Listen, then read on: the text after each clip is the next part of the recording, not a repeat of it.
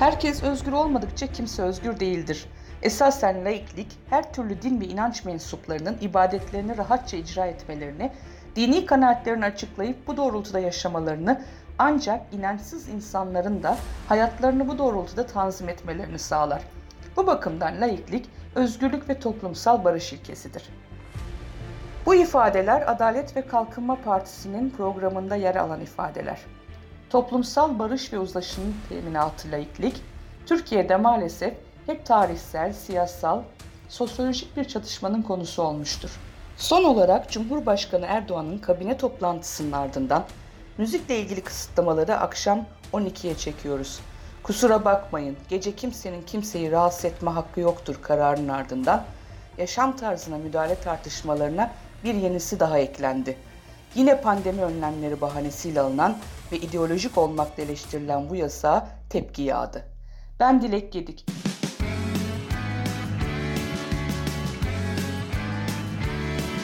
Kulağınız bizde olsun. Kısa Dalga Podcast. İslami referanslara göre hareket eden siyasi kadroların yaklaşık 20 yıldır iş başında olduğu Türkiye'de ortaya konan son uygulama ve pratikleri, devlet kurumlarının dönüşümünü, sorunun temel kaynağını ve bu tartışmaların bizleri götürebileceği sonuçları konuşmaya çalışacağız.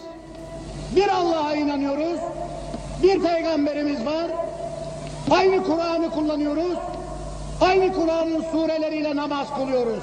O halde ayrılık neden? Yıl 1982. 12 Eylül askeri darbesinin ardından hazırlanan anayasa için mitingler düzenleyen Kenan Evren'in meydanlarda ayetlerle desteklediği konuşmalarından bir kesitti dinlediğimiz.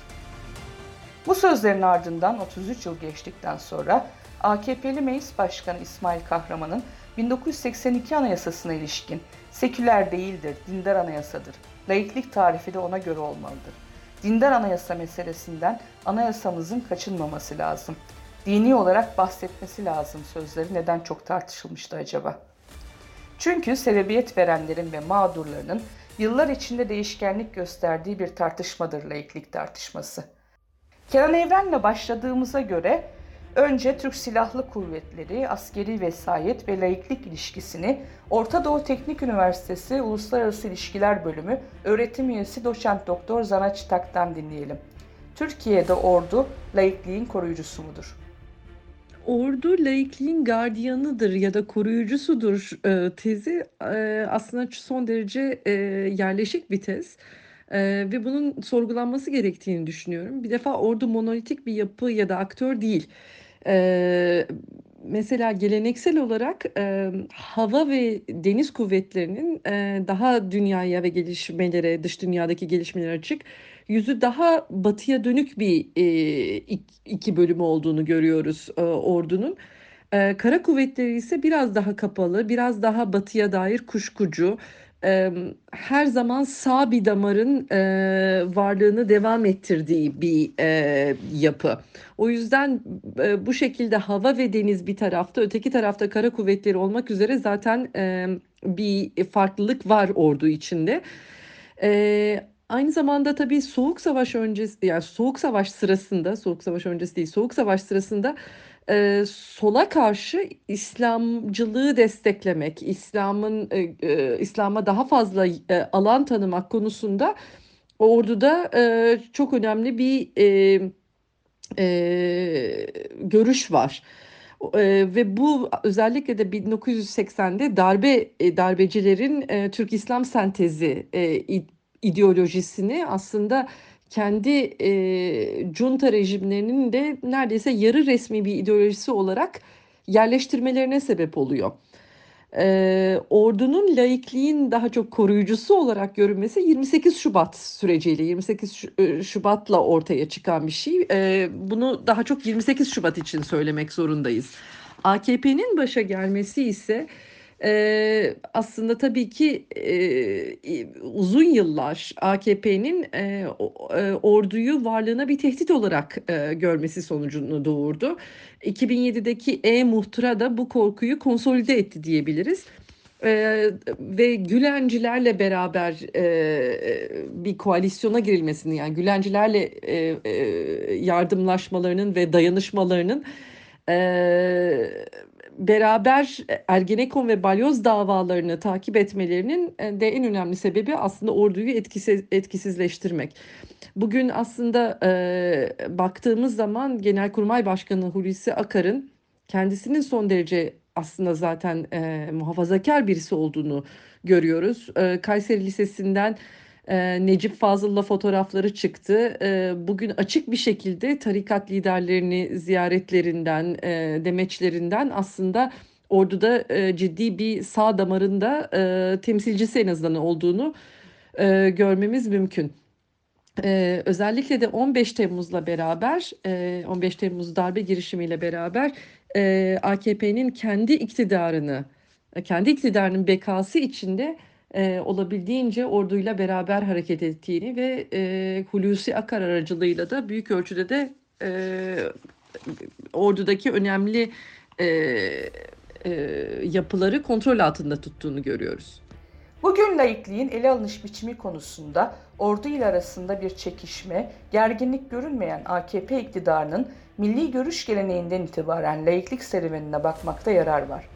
Yıllarca milli görüş temsilcisi siyasi partileri takip eden gazeteci Sedat Bozkurt, milli görüş geleneğinin laiklik perspektifini şöyle anlatıyor. E, merkez sağ partilerde dini zaman zaman siyasetlerinin bir öznesi veya parçası olarak kullanmışlardır, ifade etmişlerdir. İhtiyaç halinde seçimden seçime çıkarılıp kullanılan bir din unsuru vardır ama milli nizamla başlayan Milli Selamet Partisi ile vücut bulan milli görüşteki din olgusu kadar e, din olgusu kadar baskındır. E, din olgusu bu partilerde daha baskındır. Öyle ki genel merkezlerinin yerleş, yerleşkelerinde cami olan belki de dünyadaki ender siyasi partilerden birisidir Milli Selamet Partisi, Refah Partisi yani Milli Selamet Partisi kapatıldıktan sonra açılan Refah Partisi. Daha sonra Fazilet Partisi de aynı genel merkezi kullandı. Mescitten söz etmiyoruz. Caminin biz caminin bizzat kendisinden bahsediyoruz. Bu bile dinin bu siyasetin ne kadar yakında olduğunu, ne kadar iççi olduğunu en önemli göster göstergelerinden birisi. Refah Partisi ondan sonraki Fazilet Partisi biraz daha bulunduğu dönemin koşullarıyla torno tezgahından çıkmış gibi kendisini biraz daha ifade etmekte zorlanan, niyetini açıkça ifade edemeyen partilerde. Bugün Saadet Partisi'ni de öyle görüyoruz. Çünkü bu, bu anlamda karşılarında AK Parti nedeniyle rahat bir pozisyon bulamıyorlar. Düne kadar din üzerinden savunduğu, geçmişte yaşadığı siyasi kavramlara da AK Parti'nin kötü uygulamalar nedeniyle karşı çıkmak, muhalefet etmek zorunda kalıyorlar. Bu durumda onlara ister istemez farklı bir kimlik, farklı bir politik alan, farklı bir şablon çiziyor. Şöyle bir ilginçlik var tabii ki Milli Selamet Partisi'nin varlığı sistem içinde çoğu zaman yararlı bulundu. Yani sistem içinde tarihsel olarak Türkiye Cumhuriyeti e, sistemi içinde diyorum burada. 12 e, Mart sonrasında o zamanki refleks için söylüyorum. İrticayla mücadelede başat rol oynayan laikliğin Yılmaz savunucusu askerler bizzat yurt dışından Necmettin Erbakan'ın gelerek siyasetteki varlığını sürdürmesini istediler. Bunun nedeni neydi? Siyasal İslam'ı temsil eden partinin öyle ya da böyle legal, legal bir siyaset zemininde devletin de denetleyebildiği legal bir örgütlenme ile gerektiğinde Anayasa Mahkemesi tarafından kapatılabilecek bir parti olabileceği, siyasi partiler yasasına bağlı çalışıp Yargıtay ve Emniyet tarafından da teknik olarak sürekli sürekli denetlenebilecek bir parti olması açısından da legal bir zeminde Erbakan'ı ve onun partisinin varlığını sistemde, devlette o zamanlarda muhtemelen daha sonra da yararlı buldu. Milli görüş gömleğini çıkaran ve iktidar olan Recep Tayyip Erdoğan'ın geleneğin lideri Necmettin Erbakan'dan farkı neydi peki? Sedat Bozkurt'a göre Erdoğan vesayetçi kurumları muhtelif yöntemlerle işbirliği yaptığı cemaatlerin, tarikatların desteğiyle tasfiye ettikten sonra refleks itibariyle doğasına döndü. Erbakan ile Recep Tayyip Erdoğan arasındaki e, fark önemli. Erbakan devleti tanıyor, yurt dışında eğitim görmüş, yurt dışını biliyor. Tarihsel olarak muhtelif yerlerdeki mücadelelerden geliyor. Toptaki işlevini biliyoruz, mücadelesini biliyoruz. Bugün Erbakan ile ilgili şunu biliyoruz e, sadece. Erbakan mutlak iktidar olsaydı Erdoğanlaşır mıydı? Yani Erbakan'la ilgili ileriye dönük perspektifimizde bilmediğimiz mesele bu. Çünkü Erbakan hiçbir zaman için bir mutlak iktidar olmadığı e, sıkıntılı dönemlerde iktidarın ortağı oldu. İktidar bir nevi iktidar paydaşı oldu. Ee, Erdoğan gibi aynı şeyleri yapar mıydı? Ee, eski eskisi gibi hukuk kuralları içinde devlet kurallarının çalışmasını sağlar mıydı? Yoksa her şeyi kendine bağlayarak tek adam figürü haline gelip devleti mi yönetirdi? Bunu bilemiyoruz. Bunu bilmemiz için de iktidar olması gerekiyordu. Çünkü siyasal İslam'ın muhafazakar sağ siyasetin önemli özelliği budur. Anlattıklarıyla yaptıkları 180 derece farklıdır. AK Parti'nin kuruluş dönemindeki dinamikler çok farklıydı. 12 Eylül'de darmadağın edilen bir toplumsal hayat vardı. 2000-2001'de AK Parti'nin kurulduğu dönemde de çok farklı bir ortam vardı. Birkaç ekonomik kriz, 28 Şubat gibi askerin sisteme, devletin sistem, sistemini, toplumsal yapıyı dizayn etme gibi hamlesi dışarıdan siyasete bir müdahale vardı. Bunların yarattığı hoşnutsuzluk vardı. Bir de üstüne ekonomik kriz vardı tabii ki. E, bütün bunlar ekonomik krizi tetikleyen nedenler olarak da kabul edilmişti. E, işte sokaktaki insanlar tarafından. O zaman AK Parti'nin kendisini anlatırken de farklı olduğunu, gömlek çıkarttığını anlattığı bir ortam vardı. Türkiye'deki e, Türkiye'deki seçmenin kızdığı partiye bir tepki olarak kızdığı partiyi en çok kim yıpratacaksa ona oy verme gibi bir geleneği, bir alışkanlığı, bir yeteneği var. E, AK Parti tepki oylarını aldı. E, tepki oylarıyla geldiği iktidarı bugün tasfiye ettiği statükocu kurumların da varlığı nedeniyle siyaset yapma alanını genişletemediği için Avrupa Birliği'ne tam üyelik süreci, demokrasi, hukuk derken konjonktürel olarak dünyada bollaşan parayı da alarak göreceli olarak ekonomi tekerini de döndürerek yani ekonomik refahlık içinde ekonomi tekerini de döndürerek bir siyaset ortaya koydu. Bu siyasette genel olarak kabul gördü, oy aldı. Aynı yöntemi tekrar denedi ama ilk kavşağa gelindiği zaman vesayetçi kurumları muhtelif yönlemle, yöntemlerle işbirliği yaptığı cemaatlerin, tarikatların desteğiyle yani bunların devletteki varlıklarının e, katkısıyla tasfiye ettikten sonra refleks itibariyle doğasına döndü. Neticede milli görüşçü, İslamcı bir sağ anlayıştı AK Parti. Ama burada izlediği politika ideolojiden daha çok Recep Tayyip Erdoğan'ın kafasında belirlediği bir iktidar modeliydi. Bunu yakındakilerle bile paylaşmadığını anlıyoruz. Çünkü beraber yola çıktığı arkadaşlardan hiçbirisi yanında yok. Bir şekilde kendisini bizzat tasfiye ederek bizzat tasfiye ederek her şeyi kendi elinde topladığı bir sistem oluşturdu. Arkadaşların tamamını, yola çıktığı arkadaşların hepsini kendi eliyle tasfiye etti.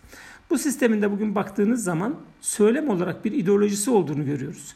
Kendi İslam ideolojisine MHP'yi yanına alarak Türkçülük ideolojisini de eklemleyerek daha etkin hale getirmeye çalışıyor. Ama sonuç sonuç olarak sonuç sonuçta da niyet mevcut olan ve sahip olduğu iktidarı tamamen muhafaza edebilmek.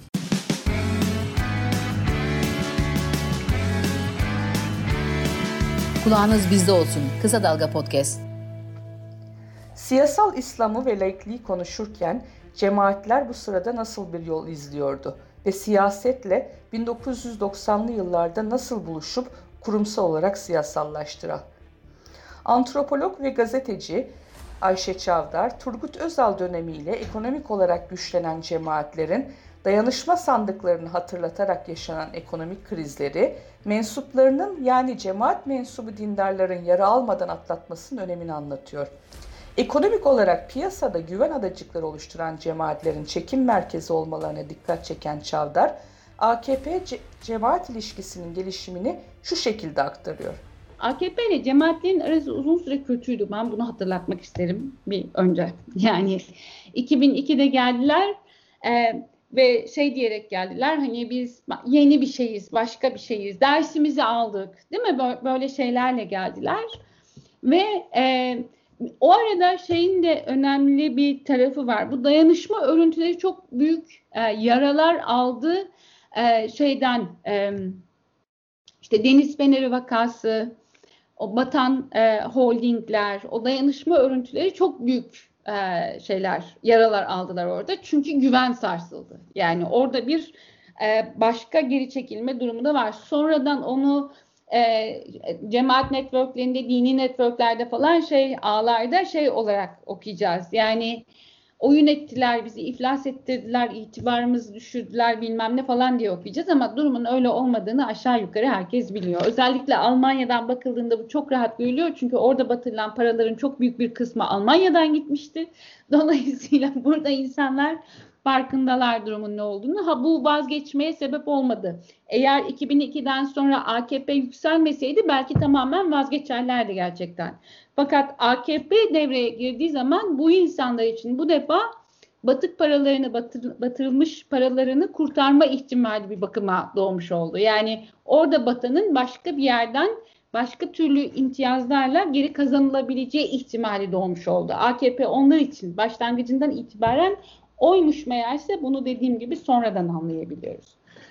Şimdi AKP'nin başlangıçta cemaatlerle arası birkaç nedenle kötüydü. Eyvallah demiyordu bir kere yani öyle bir şey. Ama asıl Gülen cemaatiyle en başından itibaren, Fethullahçılarla en başından itibaren işte o şeyin yenilikçileri, Refah Partisi'nin yenilikçileriyle Gülen, şeyin Fethullahçıların en başından itibaren olan ittifakları diğer cemaatler için yabancılaştırıcı bir şeydi.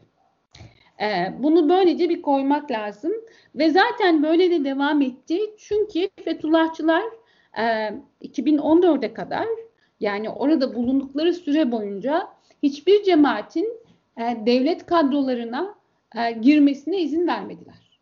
Bu bir. İkincisi hatta bulundukları köşelerde bir hayli sıkıştırdılar. Biz mesela şeyi gördük 2008'de Piyale Paşa'da, Kasımpaşa Piyale Paşa'da e, Süleymancılara ait bir Kur'an kursunun yıkılması e, o şeyde hala duruyor.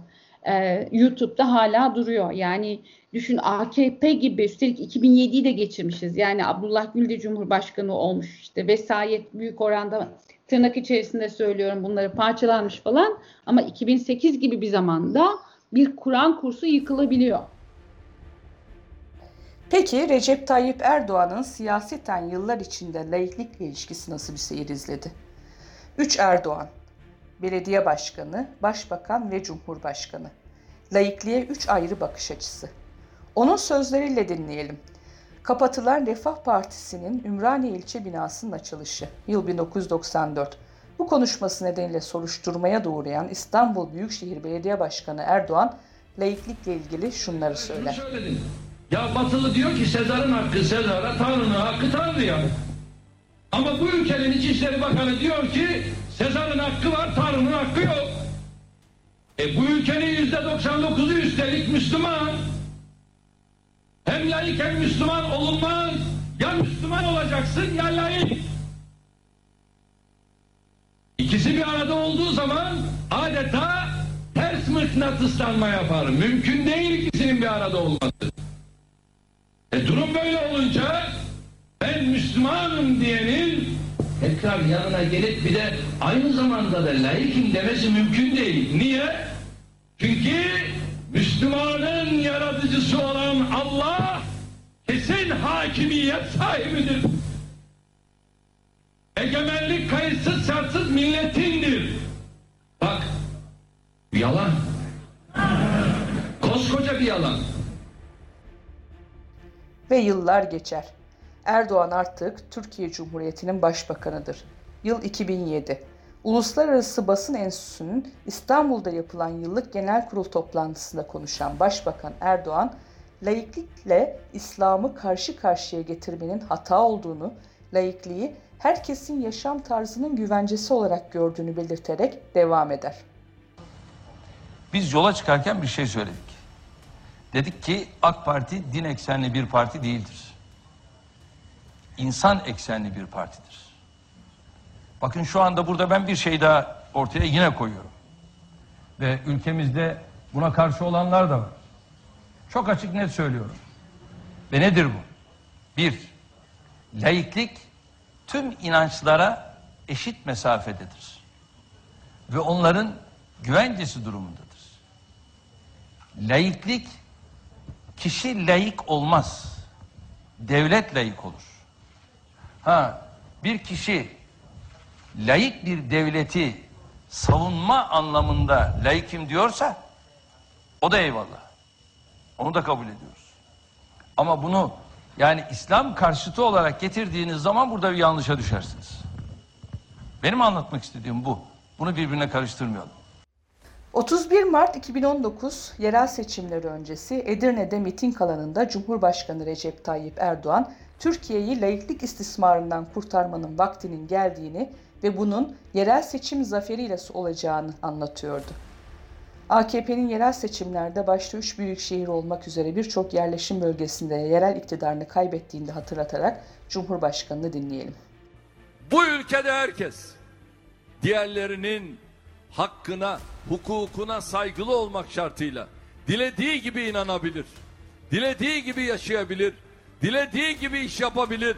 Dilediği gibi düşüncelerini ifade edebilir. Altını çizerek ifade ediyorum.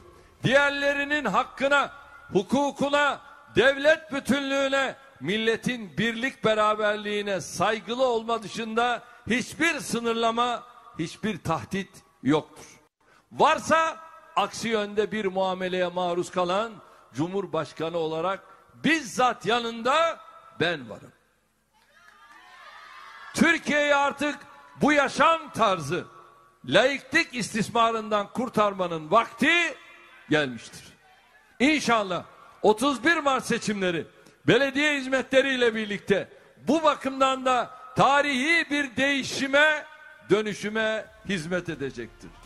1992-1994 yılları arasında Cumhuriyet Halk Partisi Genel Sekreterliği görevini yürüten, 2007 yılında AKP'ye geçerek 60. ve 61. hükümet dönemlerinde Kültür ve Turizm Bakanı olarak görev yapan bir isim Ertuğrul Günay.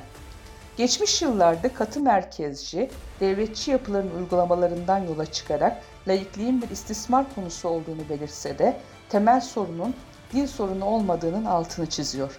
Siyasetle laiklik arasındaki tartışma büyüyor. Ee, bir siyasi iktidar ülkeye halkın beklediği doğrultusunda hizmetler yapabiliyorsa, ekmek büyüyorsa, e, hayat daha rahatsa o dönemlerde bu tartışmalar çok fazla olmuyor. Ne zaman ki bir iktidarın halka verebilecekleri sınırlanıyor. Yani hizmet sınırlanıyor, ekmek küçülmeye başlıyor. O zaman e, özgürlükler de kıs, kısıtlanmaya ve e, istismar konuları öne çıkmaya başlıyor. İstismarın başında da din var tabii.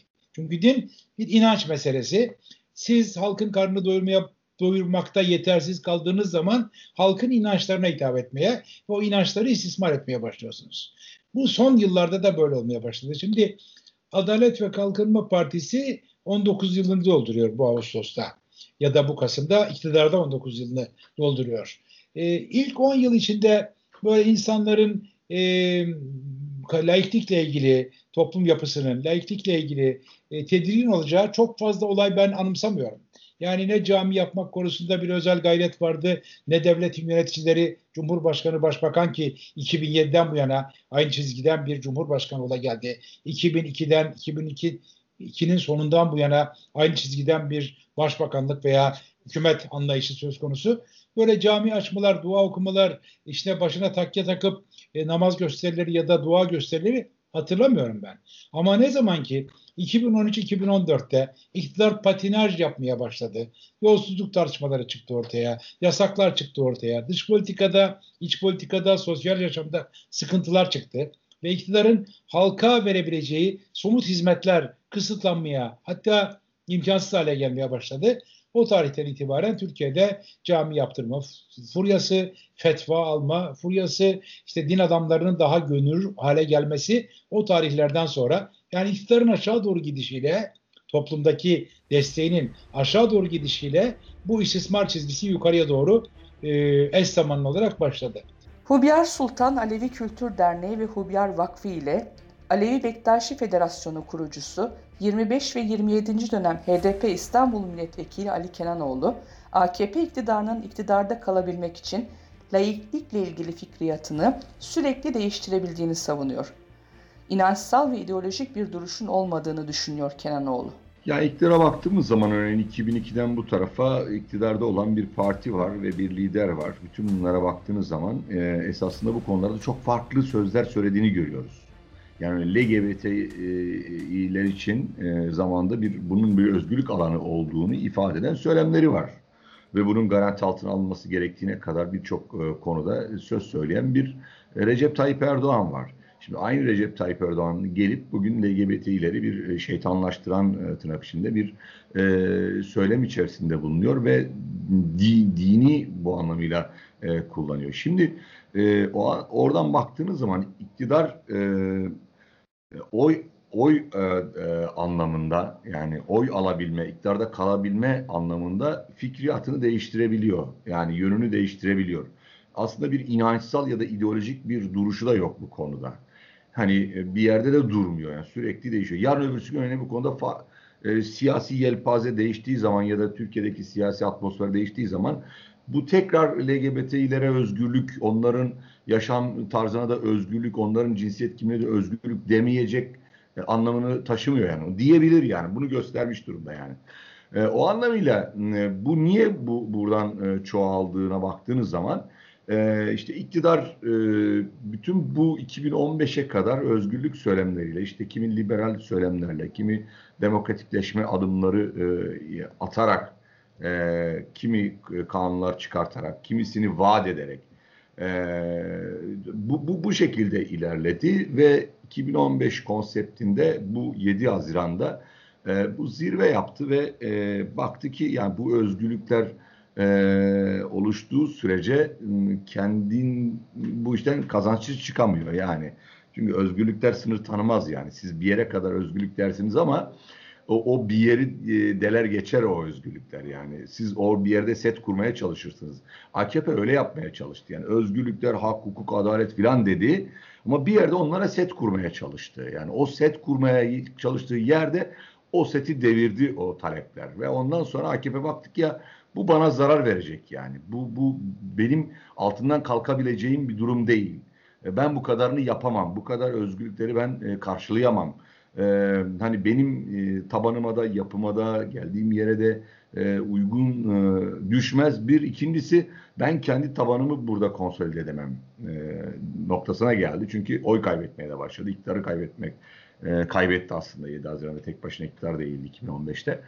E, bu buradan kaynaklı olarak bir şeye dönüştü artık bir dönüş yaptı bütün buradan ve e, muhafazakar milliyetçi e, tabana yönelik söylemlerini e, arttırdı ve politikalarını tamamen bunun üzerine kurulu hale getirmeye başladı. Yani Kürt meselesinde aynı şeyi yaptı, Alevi meselesinde aynı şeyi yaptı.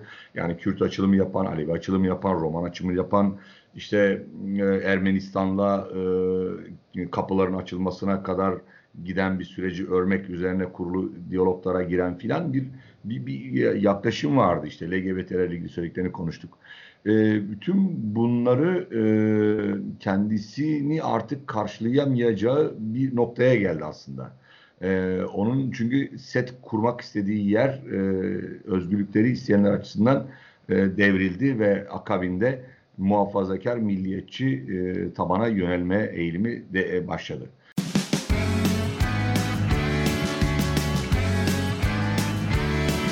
Kulağınız bizde olsun. Kısa Dalga Podcast.